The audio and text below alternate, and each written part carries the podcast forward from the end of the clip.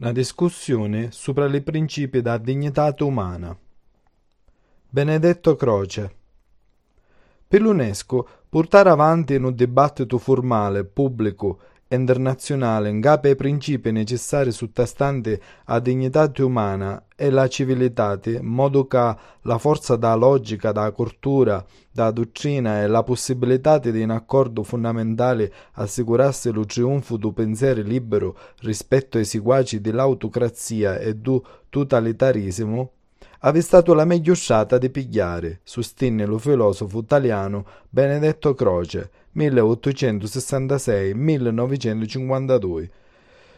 No suo testo, che mandò all'UNESCO di Napoli il 15 aprile 1947, che aveva lo titolo I diritti dell'uomo e l'attuale situazione storica.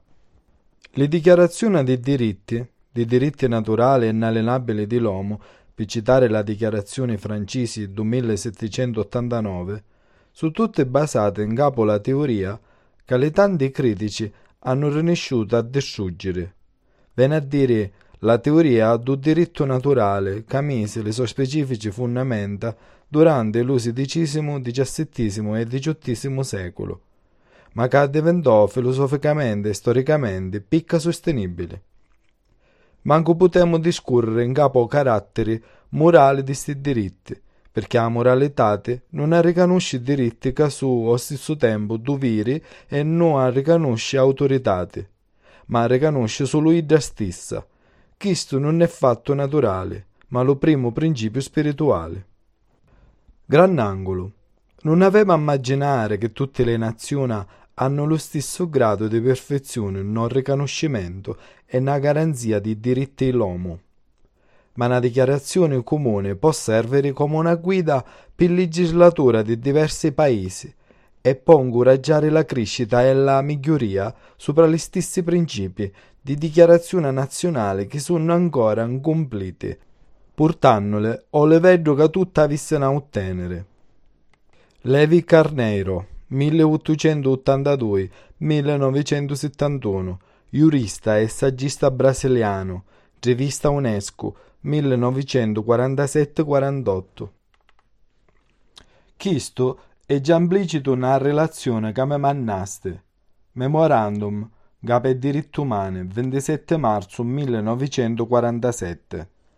Quando afferma che questi diritti cambiano in maniera assai differente abbandonando a così lo fondamento logico dei diritti considerati diritti universali dell'uomo e riducendoli più massimo a diritti dell'uomo nella storia. Vale a dire diritti accettati di sta maniera per l'uomini di un particolare periodo. A nunca non possono essere rivendicati all'interno, ma su semplici fatti storici, manifestazione dei bisogni di una specifica epica e tentativo di soddisfare sti bisogni.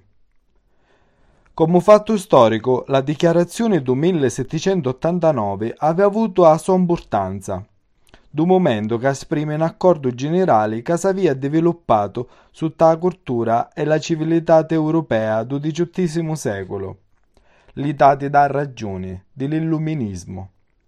Relazione al bisogno urgente di una riforma politica da società europea, inclusa la società europea in America. Oggi però non è possibile realizzare lo scopo della dichiarazione di diritti e magari di bisogni storici, perché manca proprio st'accordo in capo all'argomento che invece l'UNESCO ha di sia promuovere. L'accordo, logicamente, manca nei due correnti più importanti dell'opinione mondiale, la corrente liberale e la corrente totalitaria autoritaria. Effettivamente questo disaccordo, magari se moderato nella sua espressione, può essere individuato nella relazione che ha Si può ottenere questo accordo in futuro? E con quali mezzi? Con il rafforzamento della cultura del liberalismo, che ha superiorità morali, poteri di pensieri e di persuasione, e sua saggezza politica e prudenza potesse prevalere in capo all'altra corrente? Oppure solo dopo una nuova guerra mondiale, una può nascere vittoriosa sopra l'altra secondo le sorti da guerra, lo corso degli eventi o da divina provvidenza? E potissi forse spuntare a corrente immortale do liberalismo, do suo contrario, s'avesse a nascere temporaneamente vittorioso? È possibile lo compromesso? Penso che l'UNESCO tiene in conto la prima alternativa o ipotesi e non hai bisogno di dirvi che, per quanto mi riguarda, sogno cuore arma a favore di questo sforzo, per quale ognuno di noi oggi è destinato a travagliare con tutti i suoi sforzi e per i quali io ho travagliato per quasi 25 anni in Italia e magari più lontano. Si è da così però un'organizzazione di travaglio come questa, alla quale mi state invitando e nella quale i rappresentanti di tutte le correnti, in particolare delle due correnti più contrarie in Zaid, possono partecipare a questi diritti. Non può proclamare sotto la forma di una dichiarazione di diritti una dichiarazione di azione politica comune, un accordo che non ha esistenza, ma che, al contrario, ha essere un risultato finale di sforzi opposti e convergenti. Questo è lo punto di considerare stanno ancora, perché è lo punto debole e non vedo manco come potesse essere possibile formulare una dichiarazione a metà o di compromesso che non fosse vacante o arbitraria. Possibile che tu e i tuoi colleghi, quando ha cominciato a travagliare, scoprite l'inutilità e l'impossibilità di farlo, e magari, se mi permette di dirlo, lo pericolo di fare ridere la lettura per la Genuità di uomini che hanno pensato e formulato una dichiarazione da così. Secondo me, c'è una sola forma utile di travaglio di mettere in pratica per l'UNESCO, una discussione formale, pubblica e internazionale sopra i principi necessari che stanno fondamento della dignità umana e della civilizzazione.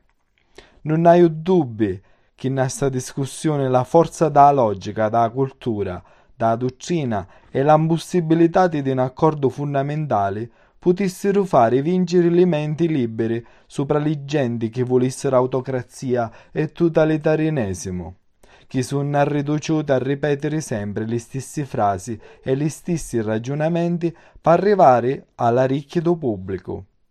Una volta che sta discussione viene fatta, fosse senza dubbio possibile formulare una dichiarazione di certi diritti e bisogni storici e contemporanei, in una maniera concisa come i dieci comandamenti o si sapessero a le minutagli una qualche maniera più lunga. Filosofo, saggista e storico italiano, Benedetto Croce, 1866 1952.